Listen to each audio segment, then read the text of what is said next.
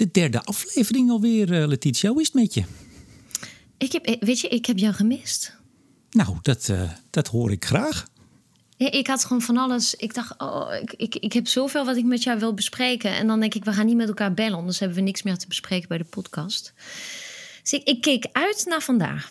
Nou, ik ook. Uh, we hebben elkaar gemist dan. En weet je wat we nu dan maar heel snel gaan doen? Uh, wat? We gaan beginnen. Oh, ja.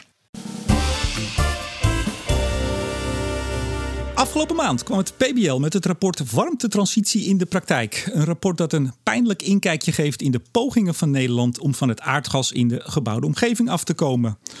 Hoe moet dat in hemelsnaam verder? Oeje en de boer hebben het antwoord. Nog meer PBL, want maandag kwam het planbureau met de doorrekening van de verkiezingsprogramma's. De een deed niet mee, de andere weer wel, maar die hadden dan weer kritiek op het PBL. Kortom, gedoe.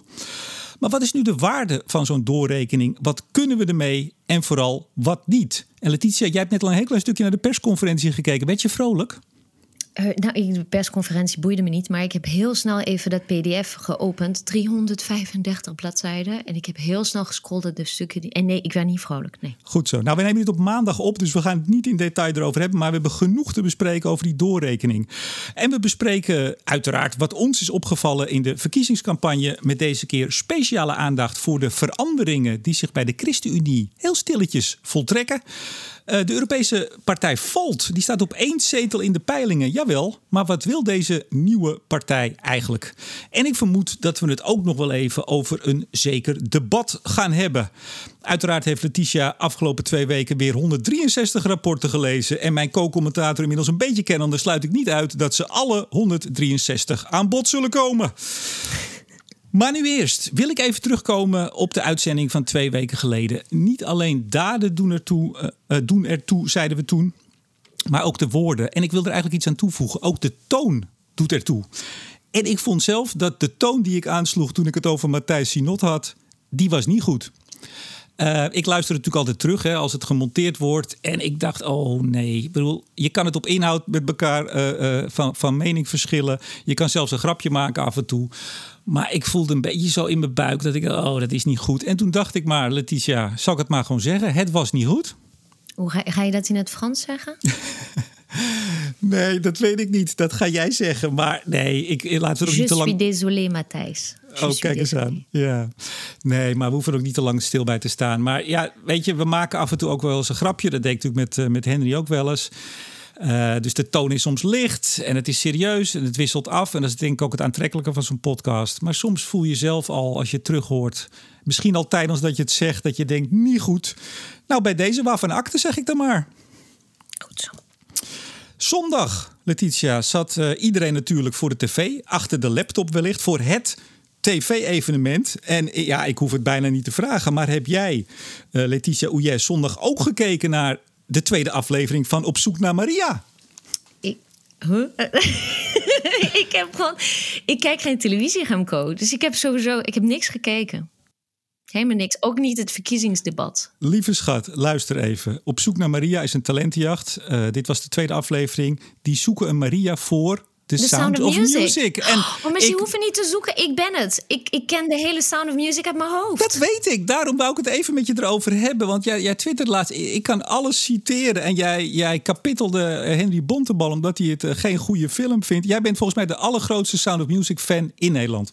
Ja, ja ik, heb, ik heb ooit gedacht van ze volgens mij waren ze op zoek naar. Oh nee, ze waren op zoek naar Mary Poppins. Ik ken ook heel Mary Poppins aan mijn hoofd. Dus dat bij deze, ik heb verborgen talenten, Remco. Ja, nee, dat, dat, dat weet ik. En mijn vraag eigenlijk is één, waarom heb je niet gekeken? En twee, wanneer ga je wellicht, en dan moeten we niet uh, te snel doen, dan moeten we de, de luisteraars een beetje mee in spanning houden. Wanneer ga je een keer een stukje zingen?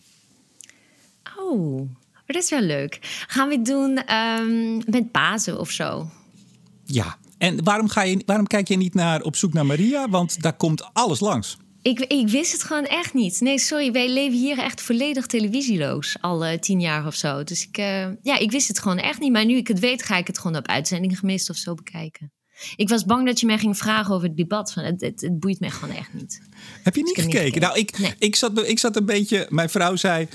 ga nou maar niet kijken, want dan zit je alleen maar te ergeren en te irriteren. Ik zeg, ja, maar ik kan het natuurlijk niet maken als we op maandag een podcast opnemen om niet te kijken. Dus ik heb wel gekeken met een bezwaard gemoed. Maar jij bent gewoon slim geweest, jij hebt het gewoon niet gedaan. Nee, en op Twitter krijg je gewoon toch de best moments. Dus dat, is, uh, dat is genoeg. Ik, ik, weet dat de bondscoach niet helemaal uh, de juiste was. Nou, had mij de vraag gesteld, had ik het ook niet geweten. Dus dat, nou ja, nee, maar dit is wel grappig. Want uh, dat was uh, uh, Jesse Klaver die gaf het voorbeeld dat als de bondscoach alleen maar witte spelers zou opstellen, dan zouden we geen kampioen worden of zoiets. En toen zei hij Ronald Koeman. En dit zijn allemaal, dat is wel grappig, dit zijn allemaal voorbereide stukjes. Want ze wisten de stellingen al. Dus alles is voorbereid, alles is gescript, is over nagedacht.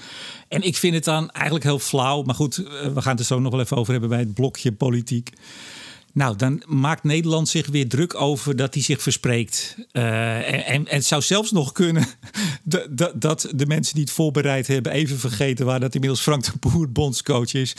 Mijn hemel, mensen. Houd erover op. En wat ik wel grappig vond, dat zag ik net op Twitter. Nogmaals, we nemen dit op maandagochtend op.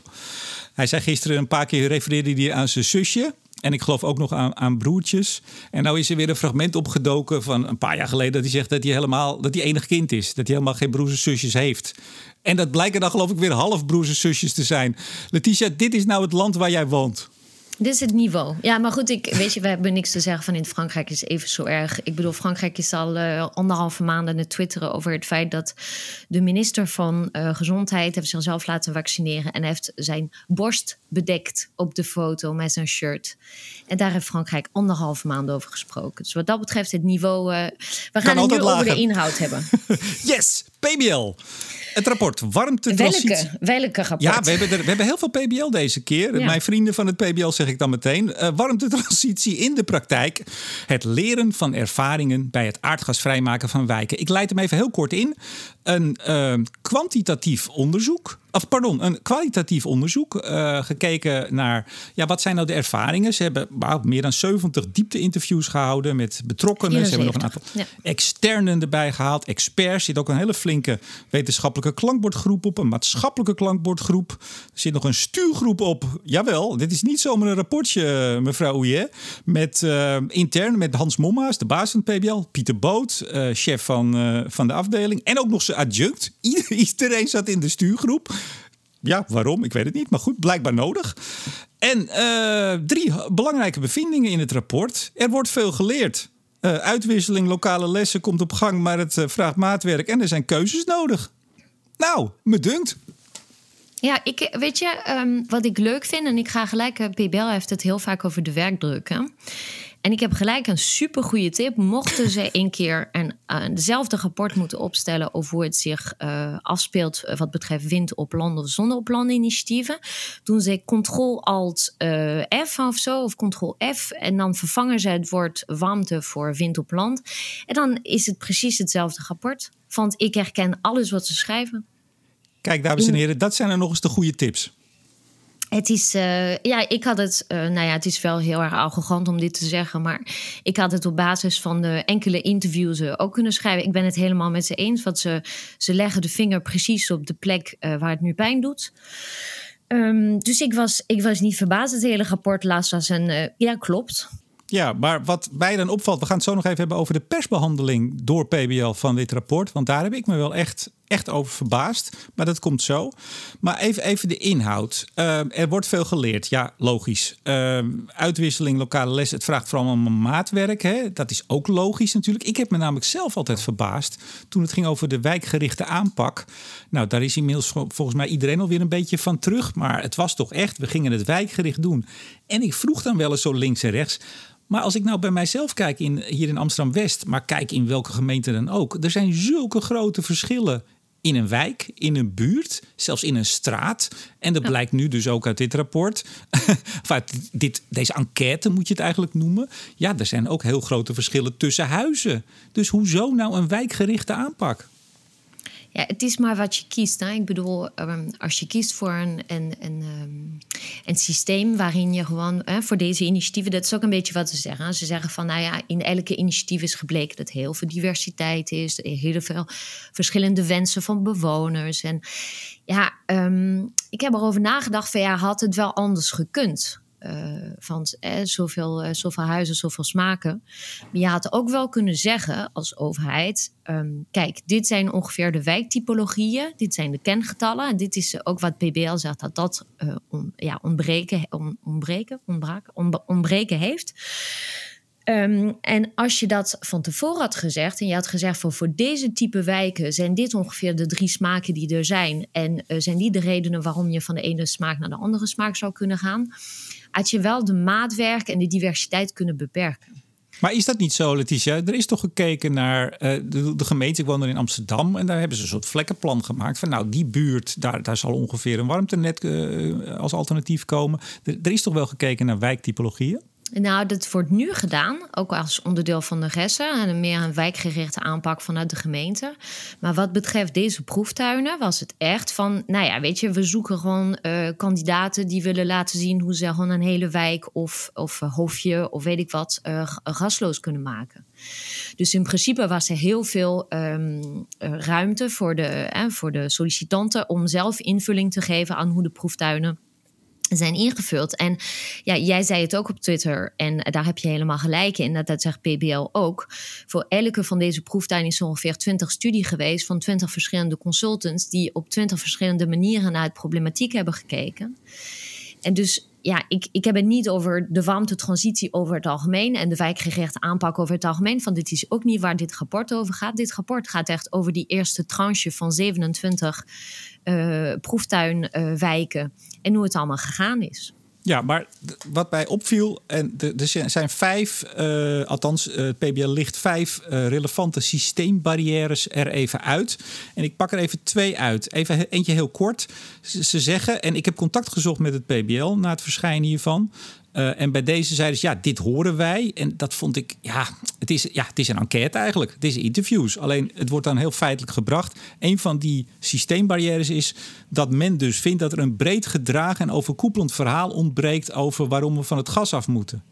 ik ben het helemaal met ze eens. Ik, heb ook, eh, ik zou je vertellen, maar dat is een. Ik ben het helemaal niet met ze eens. Maar, maar, maar maak je zin af. Nou, je kan niet je eigen quotes quoten. Maar ik heb in, uh, in, in 2018, toen uh, dat hele verhaal over uh, van het gaat uit gas af en die eerste proeftuinen en zo verschenen, heb ik op NRG een column geschreven en die, heet, die heette Geen Verhaal. En dat was precies dat als je als initiatiefnemer, en ik reflecteer nu op de rol die ik heb bij de Windvogel als energiecoöperatie, als je als initiatiefnemer langs de huizen moet om mensen te gaan vertellen van nou, dit is wat we gaan doen en dit is wat de consequenties en de keuzes voor je zijn, dan wil je heel graag een verhaal hebben waar gewoon de overheid achter staat, getallen die door de overheid gedragen zijn, waarmee je gewoon die eerste barrière gewoon een beetje voorbij kan zijn. En niet dat je elke keer het gevoel hebt dat je het moet gaan bewijzen. Ja, maar dat is er. Ja, dat is er, dat is er. Ik weet het niet. Maar ja, nou, nou ja, waar is die dan? Nou, Sorry. Nou, dat, dat, nou, dat is met het aantreden van dit kabinet in 2017. We gingen van het gas af. We gaan van het gas af. Want, ik zeg even de, de redenen die genoemd zijn. Hè. Het zijn niet mijn redenen, maar uh, Groningen. We gaan voor de Groningers. Eh, minister Ollongren bij de eerste uh, klimaattafelgebouwde omgeving haalt dat nog even naar voren. We doen het toch vooral ook voor de Groningers. Dat verhaal is heel duidelijk gezegd. Of het terecht is, is laat ik even in het midden. Uh, en we doen het voor het klimaatakkoord van Parijs. We doen het voor de aarde. Dat is het verhaal. We hebben inmiddels spotjes. Uh, iedereen doet wat. Dat zijn verschillende spotjes. Hè. Er, loopt er nu een met een, een, mevrouw die gaat isoleren. En die staat daar voor een, een, kinderklas of zo. Die staat dan te dromen. Nou, het is een beetje... Maar op zich wel goed. isoleren. We moeten isoleren dus waarom we van het gas afgaan? Ik ben in die jaren, uh, vanaf dat dit kabinet aantrad, uh, meermaals bij, uh, ik geloof Radar ben ik een keer te gast geweest, het programma op radio, bij één Vandaag. En het ging steeds over, we moeten van het gas af. Voor het Parijsakkoord, voor de aarde, voor Groningen.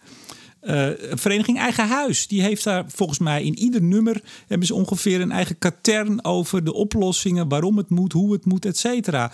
Ik vind niet dat je met droge ogen kunt beweren dat de overheid geen verhaal heeft. Het kan altijd meer. Ben er ik is, met je eens? Kijk, er is een verhaal ervan te maken. Ik ben het wel met je eens. Maar dit kost initiatiefnemers onwijs veel tijd en energie om de getallen weer bij elkaar te halen. Te weten met welke scenario dan wel kengetallen van, uh, van de overheid ze moeten gaan werken.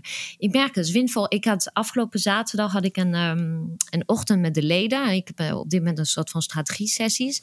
En we hadden zaterdagochtend een gesprek. En ze zeiden van wat we echt van jullie nodig hebben, windvol, dat zeggen de leden, is een soort van factsheet met uh, betrouwbare informatie, betrouwbare rapporten. En waar, die wij gewoon mee kunnen nemen naar onze gemeentes. En dat vragen ze van ons. En eigenlijk vraag ik het ook van de overheid.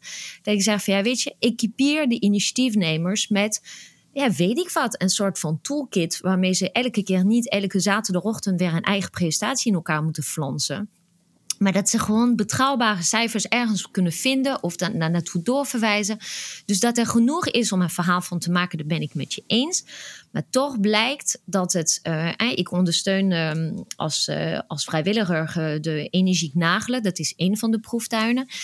En elke keer zie je wel dat die, die beste man die stopt zoveel tijd in het weer lezen van een waterstofrapport. Omdat hij weet dat er weer een vraag over waterstof gaat komen bij de volgende bewonersavond. Er moet zoveel van jou komen als, als, um, als coöperatie of als initiatiefnemer. En dat zegt dus PBL heel erg goed. Ze zeggen van ja, weet je, al die, um, die, die heel veel enthousiasme, heel veel eh, wijk. Um, uh, projecten en weet ik wat met vrijwilligers en coöperaties. Maar uiteindelijk moeten de coöperaties professioneler worden. En als ze professioneler worden, dan krijgen ze geld. En als ze geld krijgen, dan zijn, niet, ja. zijn ze niet meer betrouwbaar voor bewoners. Help ons nou even, ja. overheid. En, en een van de dingen waar dan geholpen mee moet worden, en dan gaan we meteen over naar de persbehandeling, anders wordt het misschien een beetje een te lang item. Uh, een van die systeembarrières die PBL dus zegt te zien op basis van die interviews. Het is een beetje vaag steeds, uh, zijn het nou de mensen die dat gezegd hebben uit die proefwijken of is het PBL? Maar goed, daar kom ik zo nog wel op. Financiering is voor betrokkenen nog onduidelijk. En er staat een opvallend zinnetje in. Uh, zelfs met het, zeg maar het proeftuinenbudget blijft het een zoektocht om de warmtetransitie voor betrokkenen voldoende financieel aantrekkelijk te maken. Weet je hoe ik dit rapport gelezen heb? Nee. Het is gewoon één grote puinhoop. De boel loopt echt helemaal vast. Zowel in de uitvoering uh, met al die enorme verschillen. Want het, is, het vereist eigenlijk volstrekt maatwerk. Maar tegelijk staat er ook dat we moeten opschalen. Maar hoe ga je iets wat een, wat een maatwerk vraagt enorm opschalen? We lopen financieel tegen de, de, de, de grens aan. Want aan de ene kant politiek is het woonlastenneutraliteit, het streven. De, de, VVD met name in de Kamer, die houdt daar ook heel streng aan vast. Althans, probeert dat overeind te houden. Tegelijk moeten we naar betaalbaarheid. Maar eigenlijk staat hier gewoon, ja, er moet heel veel geld bij, blijkbaar. En het grappige was, er kwam een persbericht uh, van het PBL. Althans, ze hebben het als primeur, dat is wel gek hoor. Ze hebben het als primeur hebben ze aan NRC gegeven. Terwijl uh, ik had de dag daarvoor had ik een gesprek met PBL, want die nou ja, ik heb een beetje. Uh, er is wat wrevel geweest tussen mij en PBL.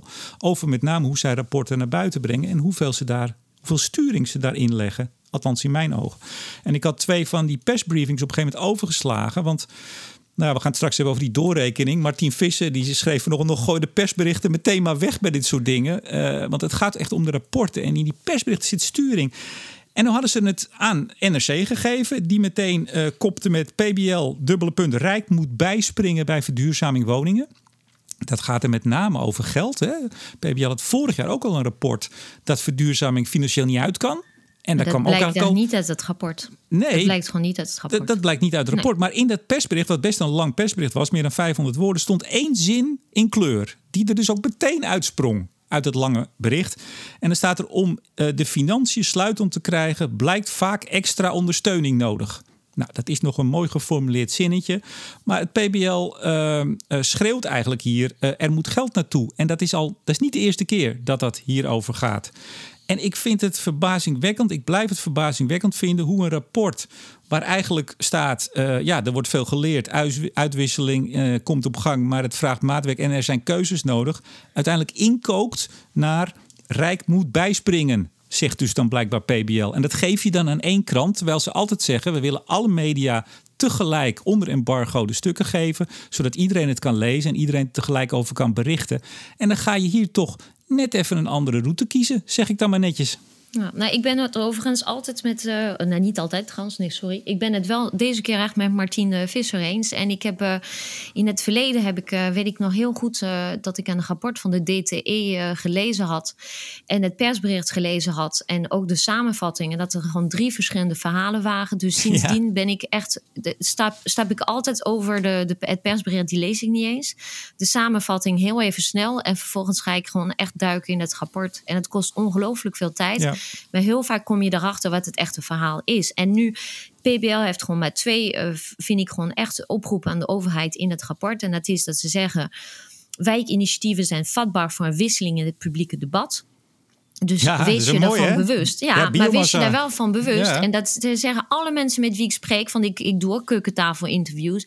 En die zeggen van, is er twee keer een rapport over biomassa of waterstof in het, eh, in het, eh, in het publieke debat geweest.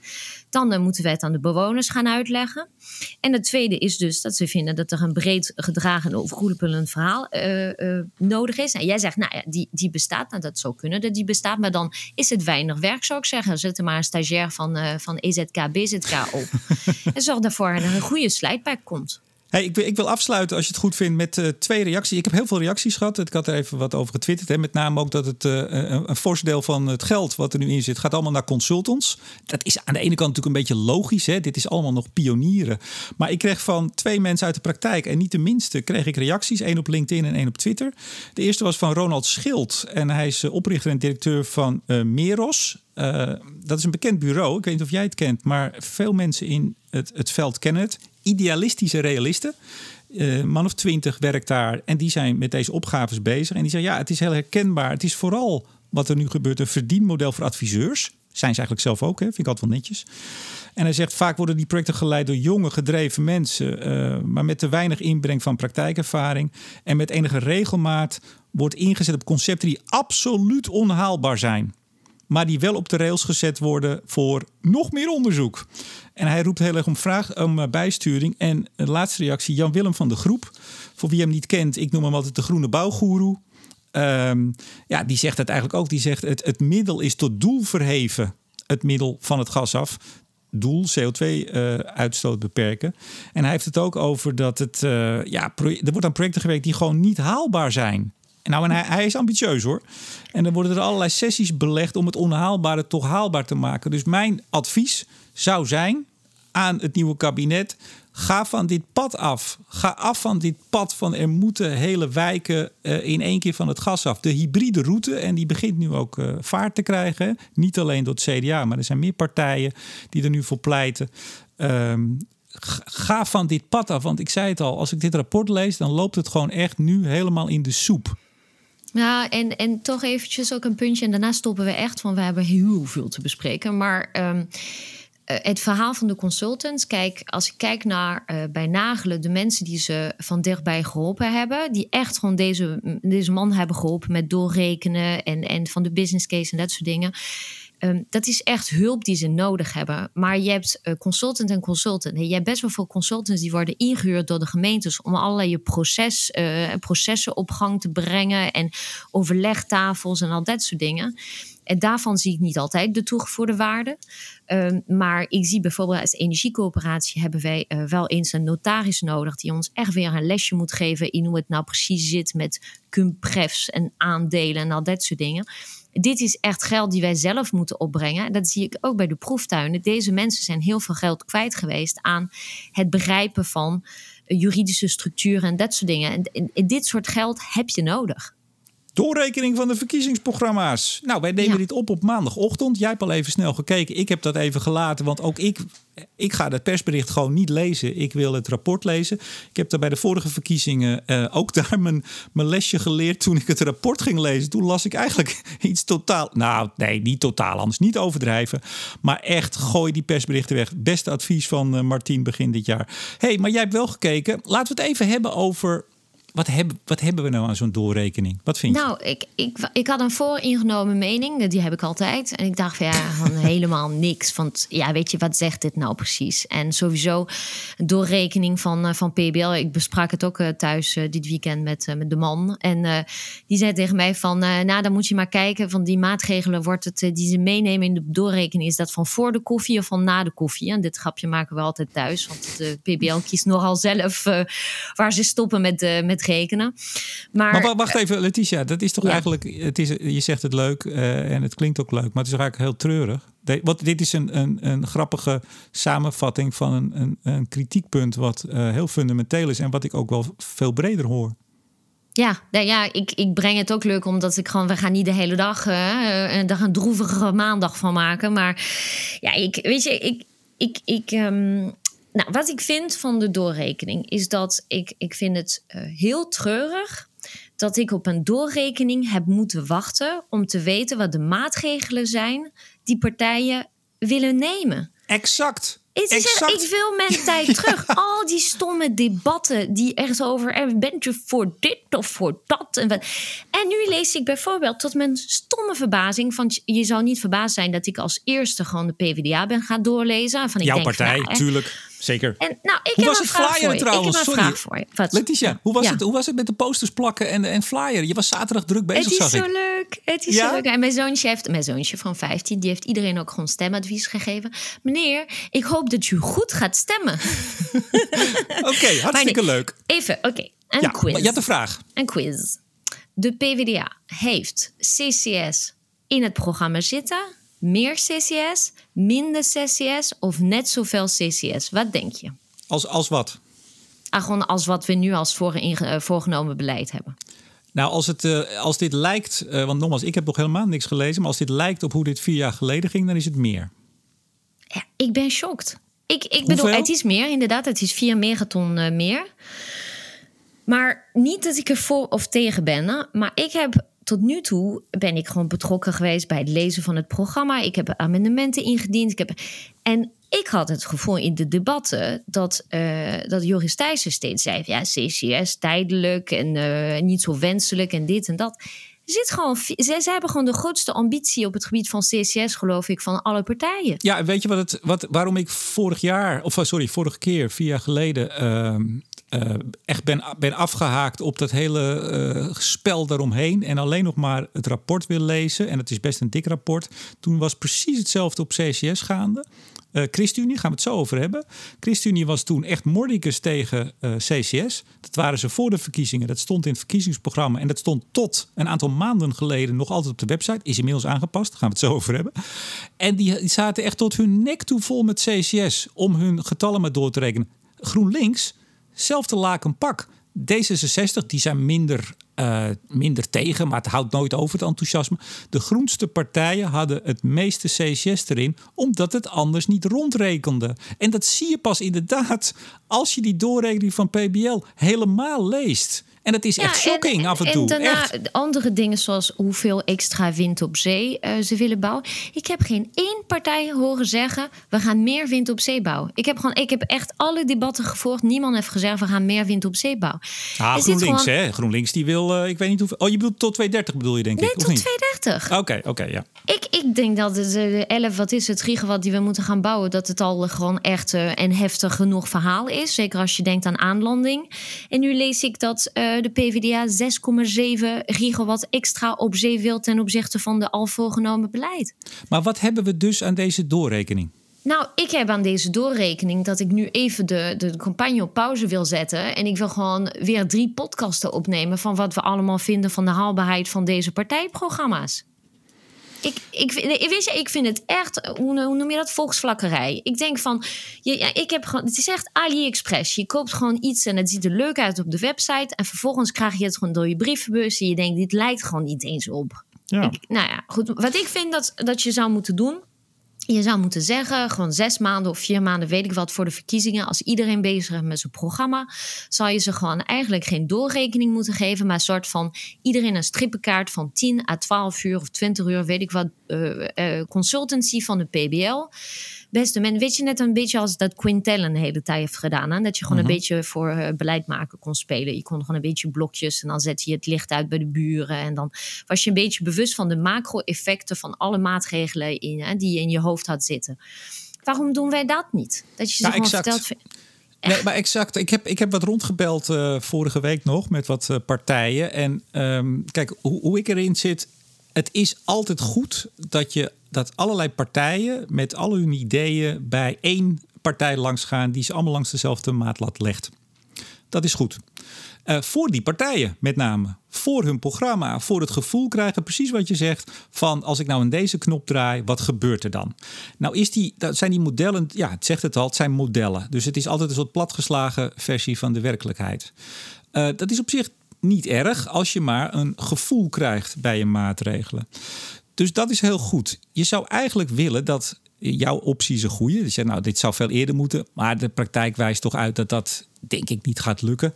Zo'n zo partij moet eerst in campagnemodus komen. En ze moeten echt met hun plas naar de dokter, zoals dat heet. Ze moeten echt gedwongen worden om uh, kleur te bekennen. Ja, maar dus dat Remco, is een goed aan... winstplas, winstplas is dit. Het is Ja. toch niet de plas van... Het is toch helemaal geen democratisch verhaal. Wij, ik ben lid van een partij. Ik, ik, ik stem, ik ga naar congressen. Ik stem op amendementen en al dat soort dingen.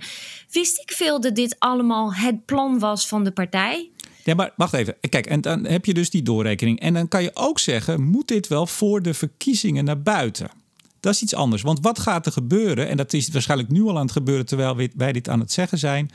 Uh, alle partijen gaan eruit halen waar ze uh, leuk mee voor de dag komen. De dingen waar ze slecht mee voor de dag komen, die houden ze stil. En vervolgens gaat iedereen elkaar uitmaken voor rotte vis. Dat zij toch echt een heel goed programma hebben en jij lekker peu niet.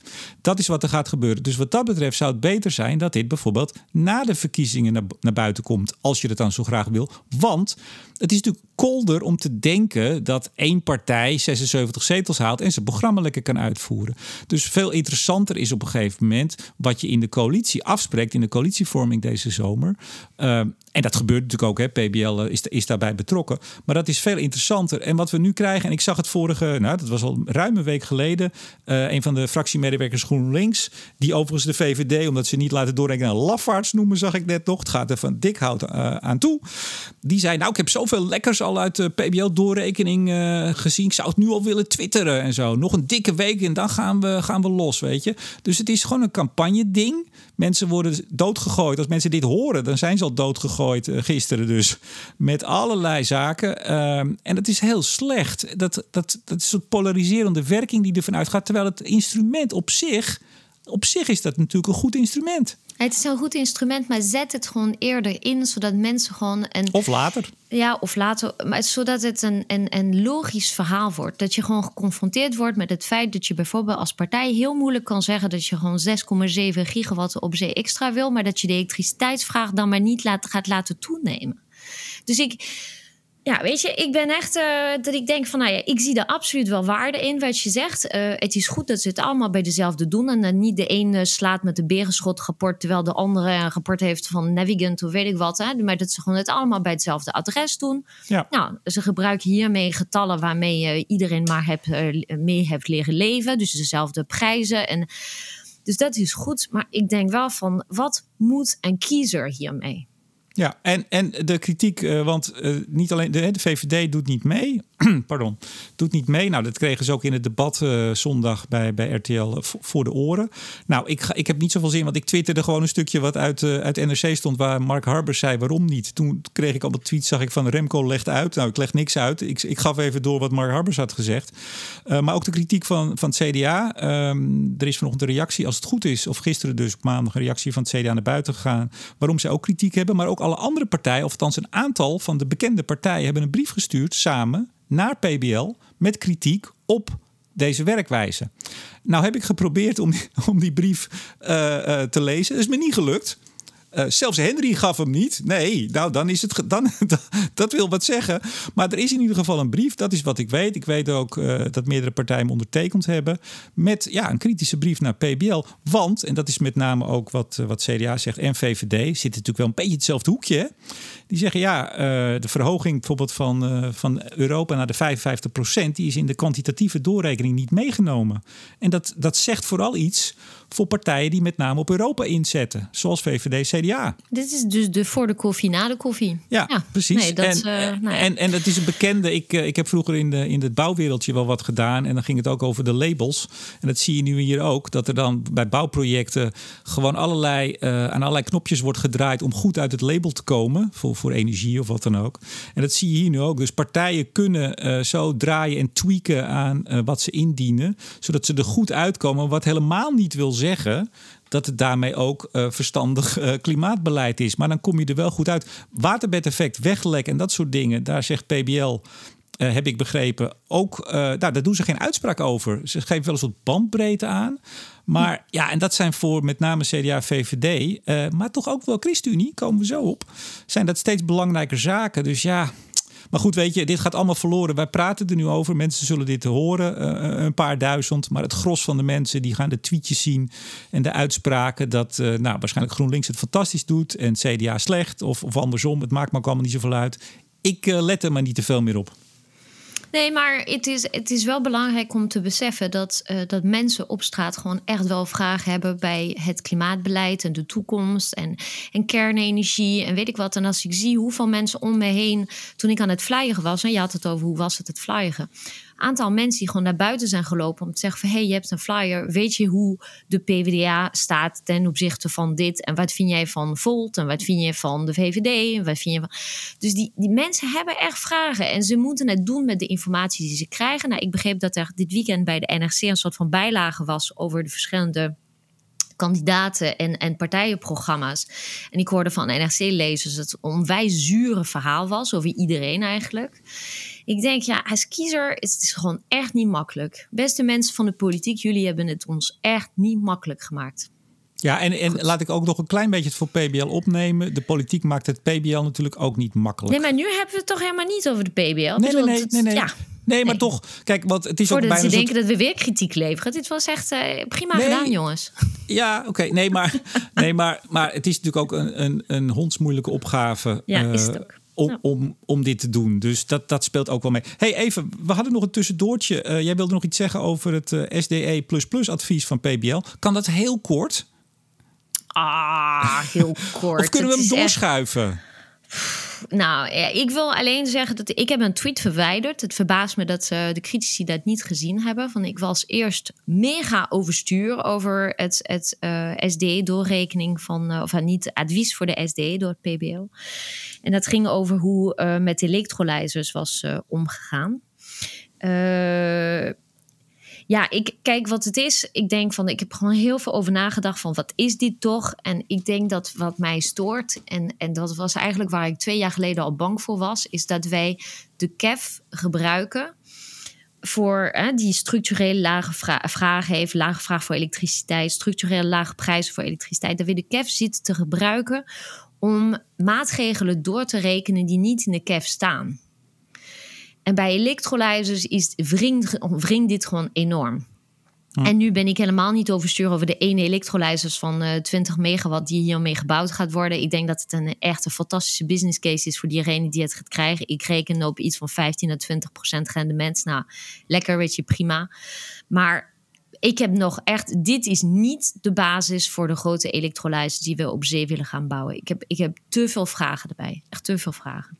Hmm. Nou, dan denk ik ook dat dit nog wel eens terug gaat komen in ons uh, tweewekelijks gesprek. Ja, nee, laten wij daar de volgende keer over hebben. Het feit dat je steeds de business case voor power to heat, voor electrolyzers, voor allerlei andere flexibele opties doorrekent op de zogenaamde goedkoopste uren, de goedkoopste 3000 uren. In hoeverre gaan ze nog goedkoop zijn als je gewoon steeds en je power to heat aanzet, je elektrolyzer aanzet op hetzelfde moment van de dag?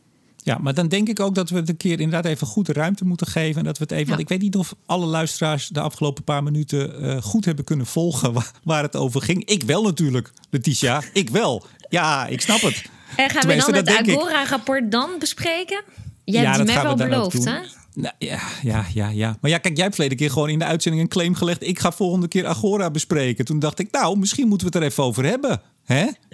Ja. nou, kijk, Agora, we hoeven nu, de, nu eigenlijk is het een super technisch rapport. Maar wat ik mooi vind, is dat het een eerste aanzet zou kunnen zijn voor een vervolg op de, uh, op de industriebrief van Wiebes. Je weet dat die industriebrief die komt straks uit de La. Dat, dat is wat ik ze allemaal gevraagd heb. Nou, dat, en dan doen ze het. Als jij het vraagt, dan doen ze het. Dan doen ze het als, als trouwe luisteraars. En, en, um, en dan gaan ze gewoon die nog een keer doorlezen. En dan gaan ze zeggen van, oh, maar hoe zit het dan met de staalindustrie en met de plastic? In? En dat staat er allemaal in. Dus in ook het Agora-rapport. Tip, ja. ja. je hoeft het ook weer gewoon niks aan te doen. Gewoon doorlezen. Nou, wat, wat, dit is zo'n waardevolle uitzending hè, die wij maken. Ongelooflijk. we maken de overheid efficiënt. Kijk, verkiezingscampagne. Ja, Nou, uh, nou, jij hebt het debat niet gezien. We hebben het er al eigenlijk even over gehad. Uh, uh, Rutte en, uh, en Hoekstra waren ja, leugenaar. Zij, of hij zei dat het een leugen was. Klaver moet ik zeggen. Dat het een leugen was. ging over kernenergie. Letitia, de, het, het, het onderwerp klimaat en energiebeleid, et cetera, werd, op, werd opgehangen aan of we wel of geen kerncentrales moesten doen. Mooi hè? Mooi constructief, ja, slim. zo jammer. Niet zo jammer vanwege het feit... Kijk, eh, straks krijg ik weer gewoon de hele kernlobby... die mij in caps lock gaat lopen twitteren en mailen of zo. Ik vind dat er een, goed, een goede discussie moet uh, plaatsvinden over kernenergie. Ik vind dat er echt onderzoek moet worden gedaan. Maar ik vind het zo jammer om een optie die wij na 2030 pas echt in het veld gaan zien. En dat zegt ook CDA, dat zegt ook VVD, dat daar op dit moment het gesprek over gevoerd gaat worden. Want ik denk dat als je diep in het hart kijkt van GroenLinks en diep, uh, verder diep in de partij dan, dan bij Joris, en kijk bij de PvdA, dat er heel veel mensen zijn die zeggen: ja, laten we in ieder geval onderzoeken waar de risico's, de kansen, de veiligheidsissues en weet ik wat zijn. Een studie doet geen pijn hoeft gewoon niemand, het hoeft niks te betekenen. En ik denk dat dit komende kabinet niet zo heel veel meer gaat doen dan dat. Ja, dus nee, maar het, was jammer voor. Uh, en ik moet ook overigens heel eerlijk zeggen, zo'n RTL-lijsttrekkersdebatten komen er nog een paar. Ik vraag me altijd af uh, wat de waarde daarvan is voor kijkers. Ik, ik ben zelf denk niet de doelgroep. En dat maakt het ook heel lastig om dat aspect te beoordelen. Ik kan hoogstens zeggen wat ik er zelf van vond. Nou, er waren ook kiezers die uh, tegenover een, een, een lijsttrekker werden gezet. Het was af en toe aan de ene kant confronterend, aan de andere kant ook een beetje tenenkrommend. Dus het was allemaal een beetje moeizaam. Toen het over leugens ging, dat vond ik wel, hè, dus van GroenLinks tegen CDA, VVD, die volgens GroenLinks de indruk zouden wekken dat hij er wel al voor 230 kan staan. Nou, Volgens mij zeiden ze het niet. Ik heb het niet meer teruggekeken, beste luisteraars. Eh, volgens mij zeiden ze het niet. Maar als u het anders gehoord hebt, eh, het zal wel. Wat ik wel moeilijk vind daaraan. Ik vind sowieso het woord echt leugen. Dat is wel, dat is wel heel hard. Hè? Um, maar als er nou iemand. Als ik dat toch ook maar even dat woord moet gebruiken. Of een partij die de afgelopen tijd niet geheel de waarheid sprak. Dan was het GroenLinks. Die zei steeds dat uh, Rutte nog nooit. Of dit kabinet uh, nog nooit een serieus of een Europees klimaatdoel heeft gehaald. En dat hebben zowel Martien als, nou, ik heb er ook wel eens het over getwitterd. Ja, dat is, dat is niet waar. Dat is wel gehaald. En daar is ook weer een hele, heel veel gedoe over. En het leidt allemaal zo af. Ik denk dat we allemaal achter dezelfde doelen staan. In ieder geval Europees, hè? de Europese doelen. Daar gaat Nederland aan bijdragen. Ik heb ook van het weekend nog een draadje gemaakt. Leest u het even terug anders als u het uh, interesseert. Uh, dat het niet zo heel veel uitmaakt als stel dat de VVD nou niks zou willen doen aan klimaatbeleid. Wat een beetje wordt gesuggereerd aan de, de linksgroene kant. Ja, die kan helemaal niet zoveel, de VVD. Want we hebben ons met huid en haar verbonden aan Europa. En we hebben gepleit voor hogere ambitie in Europa. En die komt er ook. En dat betekent rechtstreeks doelen voor Nederland, uh, dwingende doelen die wij moeten halen. Dus Daarnaast heeft volgens mij, ik, kijk, ik ben echt totaal niet zo geïnteresseerd in, in de politiek. En dus wat dat betreft mis je misschien wel Henry op dat soort momenten. Maar ik heb gewoon wel begrepen, begrepen in ieder geval dat de VVD niet met de PVV wil gaan regeren. Nou, dat, dat betekent dat wat de VVD daar ook maar van vindt, zullen ze gewoon moeten gaan werken met partijen die wel bezig zijn met een hele groene of vergaande groene programma. Dus ik denk van, nou, weet je, dit, dat, dat zij gewoon daar uh, niet 100% uh, hun eigen wil uh, zullen kunnen uit, uh, uitvoeren, dat, dat staat al vast. Dus, maar ja, goed. Weet je, um, hierover toch? Want je had het net over kernenergie in de debatten en al dat soort dingen. Ik kwam er vandaag achter door een tweet weer van, van Henry. Um, ik had gewoon niet de, de, de datum gecheckt. Dus ik dacht dat het echt een blog was van gisteren. Maar ik kwam erachter dat de PBL een blog op haar website heeft staan die van november 2020 is, waarin ze zeggen dat wij kernenergie toch echt als een optie zullen moeten gaan beschouwen voor de jaren na 2030. Nou, dit soort dingen, dat wekt bij mij wel echt allergie op. Want ik vind dat uh, op een overheid-website een blog plaatsen. En ik snap wel dat het een blog is die geplaatst is op een andere website, van Energiepodium, wat een initiatief is van Gasterra. Maar het staat nu ook op de PBL-website. En ik wil toch met terugwerkende kracht over een, een blog van november zeggen. Dit kan gewoon niet. De PBL heeft niks, maar dan echt niks te vinden of meningen te geven over wat er allemaal wel gaat zien. En ik, ik viel over één zin ook, en dat gaat helemaal niet over kernenergie, maar dat gaat over iets wat mij echt aan het hart gaat. Dat is de rest. Er staat gewoon in hetzelfde blog: de regionale energiestrategie november laten wel zien dat weinig mensen animo hebben van nog meer wind op land te plaatsen. En ik denk, wow, ja, maar weet je... ik wil het dit... nu van de website. Dat slaat toch nergens op? Ja, dit, dit zijn overigens, laten we het even goed bij de naam noemen. Dit zijn columns van Pieter Boot. Uh, afdelingshoofd, uh, wat is hij? Klimaat, energie, milieu, geloof ik, heet dat officieel. Maar in ieder geval de man als het gaat over uh, wat er bij het PBL gebeurt op dit vlak. Ik noemde hem net ook al even als. maar Remco, de... ook al was het de stagiair geweest. Het nee, maar kan toch even. niet dat het op de overheid-website staat? Ja, nee maar, nee, maar wacht even. Ik geef even voor de luisteraar wat, wat context. Mag dat? Ja, ja, ja. Ik ga even. even, even rustig, rustig. Neem, ja. neem een slokje. Nee, uh, hij is begonnen met. Uh, want als je goed kijkt op de PBL-website. staan al columns van Pieter Boot vanaf 2011. Hij heeft uh, jarenlang en heel consequent, en bij Energiepodium doet hij dat nu vanaf 2016. En ik heb even gekeken, dat doet hij keurig iedere maand. Dus dat zijn er al zo'n 60 in de afgelopen vijf jaar. Maar daarvoor dus ook al. En in 2011 was hij nog gewoon medewerker van PBL. En toen schreef hij ook columns met, uh, ja, over van alles en nog wat. Ja, en columns zijn, zijn uh, ja, privéopvattingen, denk ik. Of in ieder geval opvattingen. Um, en hij is dus begonnen als medewerker van PBL om dat te doen. En ja, inmiddels is hij wel uh, eigenlijk toch gewoon de chef. En hij doet het nog steeds. En die staan allemaal keurig op de overheidswebsite. Dus ik denk als je ze allemaal gaat lezen, dan, uh, dan komt er helemaal stoom uit je oren. Ja, ik, weet je, ik vind het. Ik, ik uh, schrijf ook wel eens een, een column. Ik heb natuurlijk niet gewoon de baan van, van Pieter, maar ik schrijf ook wel eens een column in NRG. Ja, dat is nooit in de naam van de windvogel en of van mijn vorige werkgever. Maar ik, weet je, er staat er zoveel in waarvan ik denk van, nou ja, eh, sorry Pieter, maar dit kan gewoon echt niet. Dit kan je gewoon niet opschrijven. Dat je daarna schrijft van, ja, als je een eh, kerncentrale in China of in, uh, of in Rusland zou bestellen, dan is die een stuk goedkoper. Hij, hij gewoon gaat mixen tweede generatie met derde generatie kerncentrales. Ik denk, ga dit gewoon lekker in de eigen naam, maar niet op de website van het PBL. Dat, dat, dat trek ik echt een grens. Ja, maar het gaat je dus om de plek wat staat. Dus bij een bij energiepodium of, of, een externe maakt niet uit, maar dat nee. ze het dus op de PBL-site Maar is dat dan ook niet een beetje dubbel? Want als de beste man dat nou schrijft, plaats X of Y, maakt dat dan zoveel uit? Jij vindt echt dat het niet kan op een PBL-site? Nee, ik vind dat het niet kan, omdat het gewoon overheidswebsites, dat is gewoon, weet je, net als wanneer je wilt checken of wat de coronamaatregelen nou precies zijn en met hoeveel mensen je wel of niet buiten mag gaan hardlopen, ga ik niet kijken bij de Telegraaf wat ze ervan vinden. Ik ga kijken op uh, rijksoverheid.nl voor echt betrouwbare informatie. Waarvan ik weet dat als ik gearresteerd word op straat door een BOA, dat ik kan zeggen van mijn beste meneer, ik heb dit gelezen op de website van de overheid. Maar hier komen we op het punt dat PBL, en daar heb ik het met Henry vaker over gehad. Uh, misschien moeten we het er niet steeds over hebben. Ja, de vraag is op een gegeven moment: is PBL de onafhankelijke rekenmeester die alles keurig in context plaatst? Of voeren ze ook wel uh, soms een politieke agenda? Ja. En nou ja, mijn opvatting daarover is redelijk helder. Ik heb overigens. Uh, inmiddels zijn de verhoudingen met PBL wel wat verslechterd. Want ik heb mezelf van de perslijst uh, ook af laten halen inmiddels. Uh, nogmaals, ik vertelde het net al even, hè, dat men zei van ja, maar blijf er nou wel bij en uh, luister naar onze kant van, van het verhaal. Ik zei, nou, dat doe ik altijd. Hè. Ik bedoel, ik probeer altijd uh, bij iedereen mijn licht op te steken en te kijken wat is de achtergrond. Um, maar ik vind soms het gat tussen een rapport wat er ligt en hoe dat behandeld wordt. En nou, nu dan dat het bij één krant wordt ingestoken, vind ik echt, nou, vind ik niet goed. Maar ik heb een interview gehad met Pieter Boot voor mijn boek. Uh, en daar doet hij toch een aantal uitspraken. En ik wilde er één van uh, gebruiken, omdat het issue nu is.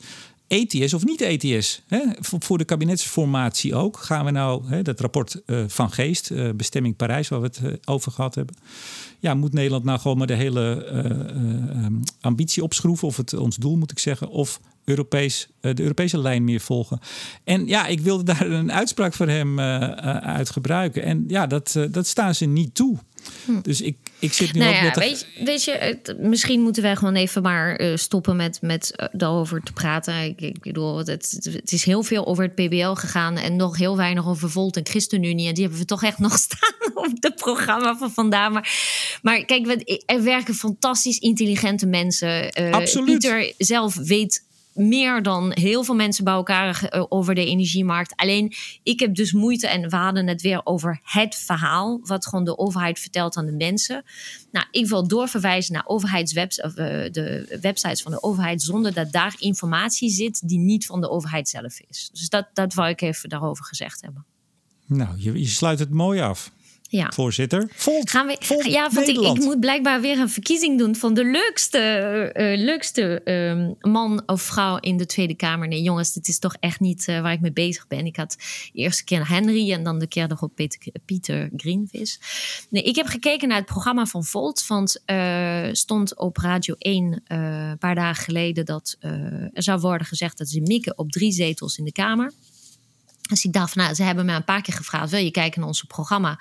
En ik moet wel zeggen dat ik de hele tijd dacht: van, ja, volgens mij is het enige wat in jullie programma staat, is dat jullie voor kernenergie staan. Ik wil echt mijn excuses aanbieden van wat een dijk van een energieprogramma. En wat doen jullie jezelf tekort door het steeds plat te slaan in wij zijn pro-kernenergie?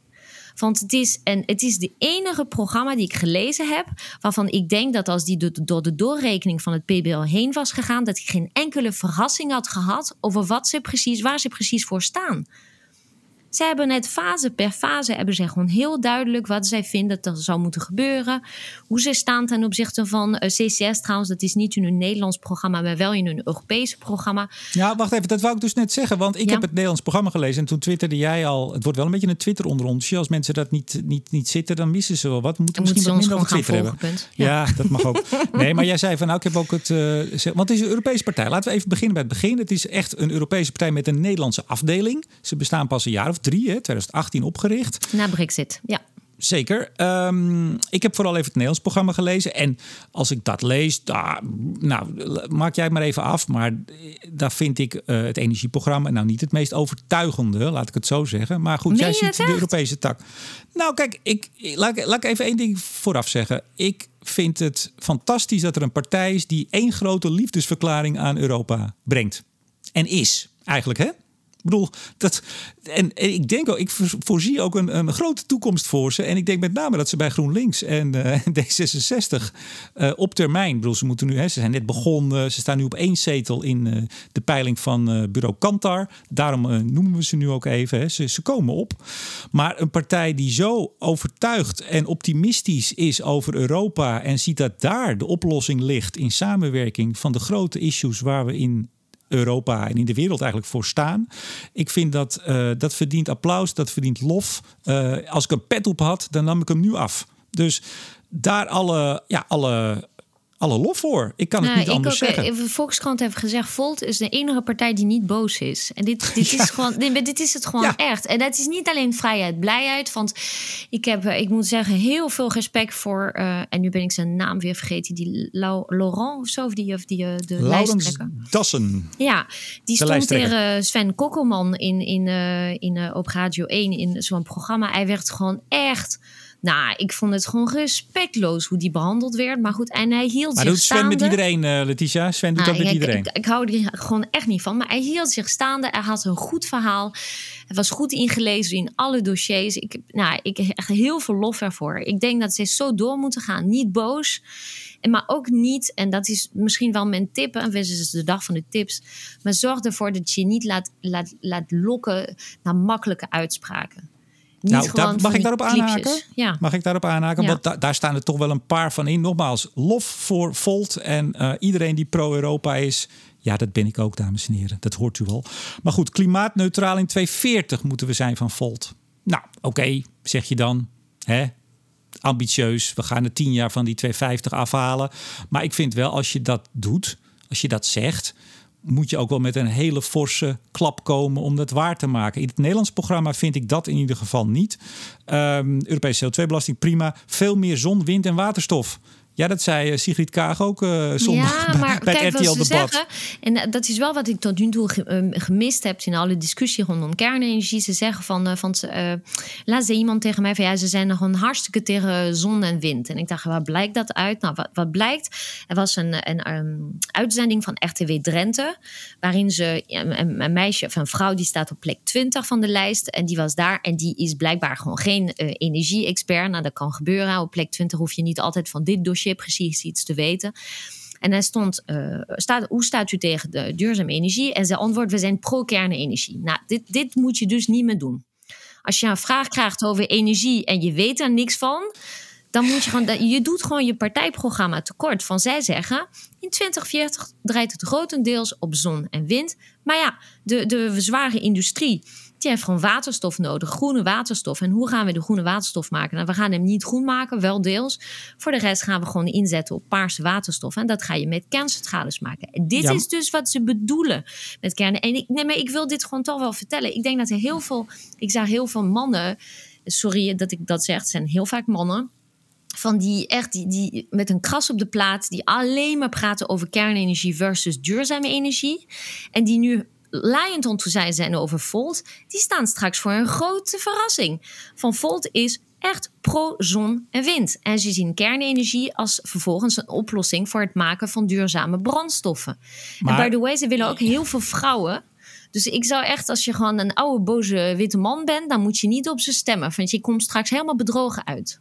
Ja, en als je rechts bent, moet je misschien ook wel niet. Want ze zeggen dat ze niet links of niet rechts zijn. Maar als ik gewoon ook naar de rest van het programma kijk, dan vind ik ze behoorlijk aan de linkerkant hangen. En in het Europees Parlement zitten ze ook met de, de Groenen en GroenLinks, et cetera, in één fractie. Dus nee, ja, ik, ik, waarschuw maar even voor de, de boze witte uh, rechtse man die denkt daar is mijn toevluchtshaven. Maar toch, ja, toch dat zou trouwens wel lollig zijn, hè? dat ze daar allemaal massaal op gaan stemmen. En dat vol daar met, uh, met vijf zetels toch wel even komt gegeven. Nou, ik, ik, weet je, ik, ik ga daar echt gewoon blijven. En ik wil even bij bij, deze ze aanbieden als ze, als ze thema's zijn waar je iets kan, kan uh, toevoegen of uitleggen of weet ik wat, dan kom ik heel graag een keertje met ze in gesprek. Al ben ik uh, met mijn rode pet, maar uh, kom ik nou, gewoon beste, beste Volt, beste Volt politici en medewerkers, als u een beetje uw best doet, dan trekt u Letitia Ouyesso in het Voltkamp hoor. Dat heb ik al lang gehoord. Als u het begin gehoord heeft van deze uitzending over de PvdA, mag ik het even afmaken? Ja. ja. mag ik het even afmaken, mevrouw? ja. dan, dan stap jij gewoon over naar Volt. Want we moeten wel een beetje haast maken. Dus ik ga je af en toe een beetje onderbreken als dat goed is. Nee, maar even toch over Volt om het af te maken. Kijk, uh, als je zegt we gaan in 2040 naar klimaatneutraal en kernenergie is daar een belangrijke uh, poot onder, dan heb je, al, heb je al te weinig tijd. Als we het nou over 2030, dan moeten we nu in heel Europa als de sodemieter meer kerncentrales in de benen gaan helpen. Maar ze dat zitten enorm in op CCS. Als je leest het EU-programma, zeggen ze gewoon full in carbon sinks sequestration ja. is nu de main focus. Kijk, en, dus, ja. en in, het, in het Nederlands programma kwam ik op een gegeven moment de zin tegen. Toen dacht ik, hè? En dat die er nog in staat. Er staat de kernenergie is een optie die goed onderzocht moet worden.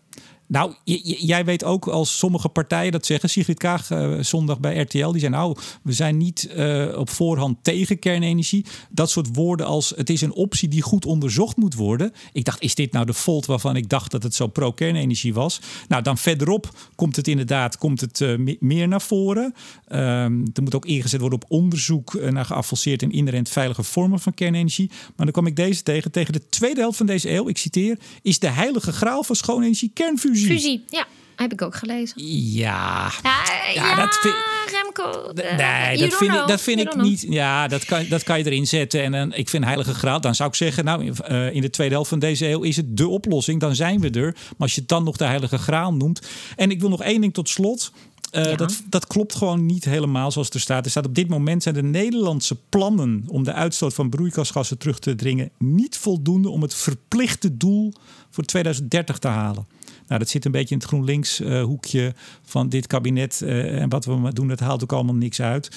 Dan moet je misschien iets specifieker worden. Dan gaat het over het Europese doel. Want dat is ons doel uh, voor 2030. En daar zitten we erg mee in de pas al. Hè? Het Europese doel. Die wordt, dat wordt verhoogd met de 55 procent. Maar om meteen al te zeggen dat we dat... Ehm, ja, dat, dat, dat we dat eigenlijk niet gaan halen, dat vind ik, vond ik weer een beetje te negatief. Ja, ik, vrees, ik vrees dat ik het wel met ze eens ben, maar dat is voor een volgende, volgende podcast. Ik wil trouwens, als je toch die zin, als je toch die zin pakte met daarom zien we kernenergie als een optie die goed onderzocht moet worden, stond de zin daarna was hiermee zouden wij de transitie naar de waterstof-economie kunnen realiseren. Ja, zouden kunnen, maar er staat niet. we moeten gewoon als de, eh, als de donder moeten we kennen en een lesje begrijpend lezen aan het, uh, aan het doen. Zeker. Hey, ChristenUnie, daar wil ik het tot slot nog even kort over hebben. Want daar uh, heb jij het ook gemerkt, of niet? Dat daar veranderingen gaande zijn? Ja, voor mijn gevoel ook. En ik heb een artikel, geloof ik, in de Trouw gelezen... die echt een inkijk geeft in hoe ze met elkaar omgaan in de partijen. Dat vond ik, ja, op, nou, jij haalde vorige keer uh, Pieter Grinwis aan. Uh, het, ja, eigenlijk de opvolger als het goed gaat. Althans, als het voor hem goed gaat in de partij van Carla Dick Faber. En ik heb het er wel eens meer over gehad uh, in een podcast, denk ik. Maar het is mij vooral opgevallen toen ik mijn vorige boek schreef, wat in 2015 uitkwam. En ik veel in Den Haag rondliep. Hoe ongelooflijk groot de invloed van personen is op partijprogramma's. Of op uiteindelijk het handelen van partijen. Kamerleden hebben een enorme invloed? Kunnen een partij ineens een andere kant optrekken? Uh, die je misschien niet zou verwachten. Want als je nou eens even kijkt naar de verkiezingsprogramma's van ChristenUnie uh, vier jaar geleden en nu. Vorige keer geen nieuwe kerncentrales. Nu sluiten ze nieuwe kerncentrales niet uit. Er wordt veel meer tekst aangeweid, maar er staat eigenlijk, het is een van de bronnen. Als je, als je de tekst leest, over, over begrijpend lezen gesproken, dan zie je dat ze openstaan voor uh, kernenergie. Er is ook een uh, amendement aangenomen op het verkiezingsprogramma. En dat is met twee derde meerderheid aangenomen. Het was eh, neutraal uh, door het bestuur uh, beoordeeld. En twee derde van de achterban van ChristenUnie, of althans van de, van de leden, die heeft gezegd: ja, nee, wij wijzen dat niet meer af. Dat is, dat is opvallend. Ja. CCS, nou, daar waren ze echt mordicus tegen. Nou, nu staat er gerichte investeringen zoals duurzame warmteoplossingen en in CO2-opslaginfrastructuur. Daar zijn ze ja, eigenlijk wel voor. Ik vat het een beetje kort samen. Hè. Uh, je ziet echt in het programma nu dat ze inzetten ook vooral, en dat vind ik echt opvallend, op de EU-lijn wat dat betreft schuiven ze op richting eh, VVD-CDA. Die het echt willen hebben van de, de EU-route. En ik zag ook uh, jouw eh, lieveling Pieter Grinwis. Heb ik even wat interviews nog nageluisterd en gekeken. Die zegt, ja, het is niet zo verstandig om nou weer over hogere doelen te praten. laten we nou eerst maar eens aan de slag gaan. Nou, dat past zo. En dat is zo anders dan het geluid van Carla Dick Faber de afgelopen paar jaar. Die zat echt heel erg op de ja, bijna een soort GroenLinks koers. Of dat stemde ze ook, vind ik altijd wel leuk om even te melden. Dat stemde ze ook voordat ze bij de ChristenUnie kwam. Uh, dus ik heb ook met wat mensen gesproken binnen de partij uh, de afgelopen week. En daar merk je ook dat uh, ja, er was wel echt duidelijk sprake van een soort twee. Nou, niet twee kampen, dat is overdreven hoor. Maar veel mensen van buiten de randstad, zou ik maar zeggen, in de ChristenUnie, die voelden zich niet meer zo vertegenwoordigd door het geluid van, nou ja, even Carla Dick Faber als degene die dat verwoordde. Um, en dat, dat zie je dus meteen vertaald. En, en Grinwis, die, eh, die speelt er wel een rol in. Hè? Zat ook in het uh, verkiezingsprogramma, commissie. Maar ik denk um, dat hij al zo lang meeloopt. Want hij ziet er heel jong uit. Maar volgens mij had je uitgevonden dat hij zelfs jonger is dan ik. En, en um, ik, ik denk dat, dat als je lang, zo lang meeloopt in zo'n dossier... dat je uiteindelijk gewoon toch snapt dat het uitsluiten van bepaalde opties... dat het gewoon geen mogelijkheid is. Dus ik denk dat je te veel weet, te veel inhoud hebt... om dan heel principieel dingen te gaan uitsluiten. Ja, en hij loopt al heel lang mee inderdaad. Onder Balken en de Vier was hij al uh, actief als uh, fractiemedewerker. Hij is politiek assistent van Tineke Huizinga geweest. Ook onder Balken en de Vier.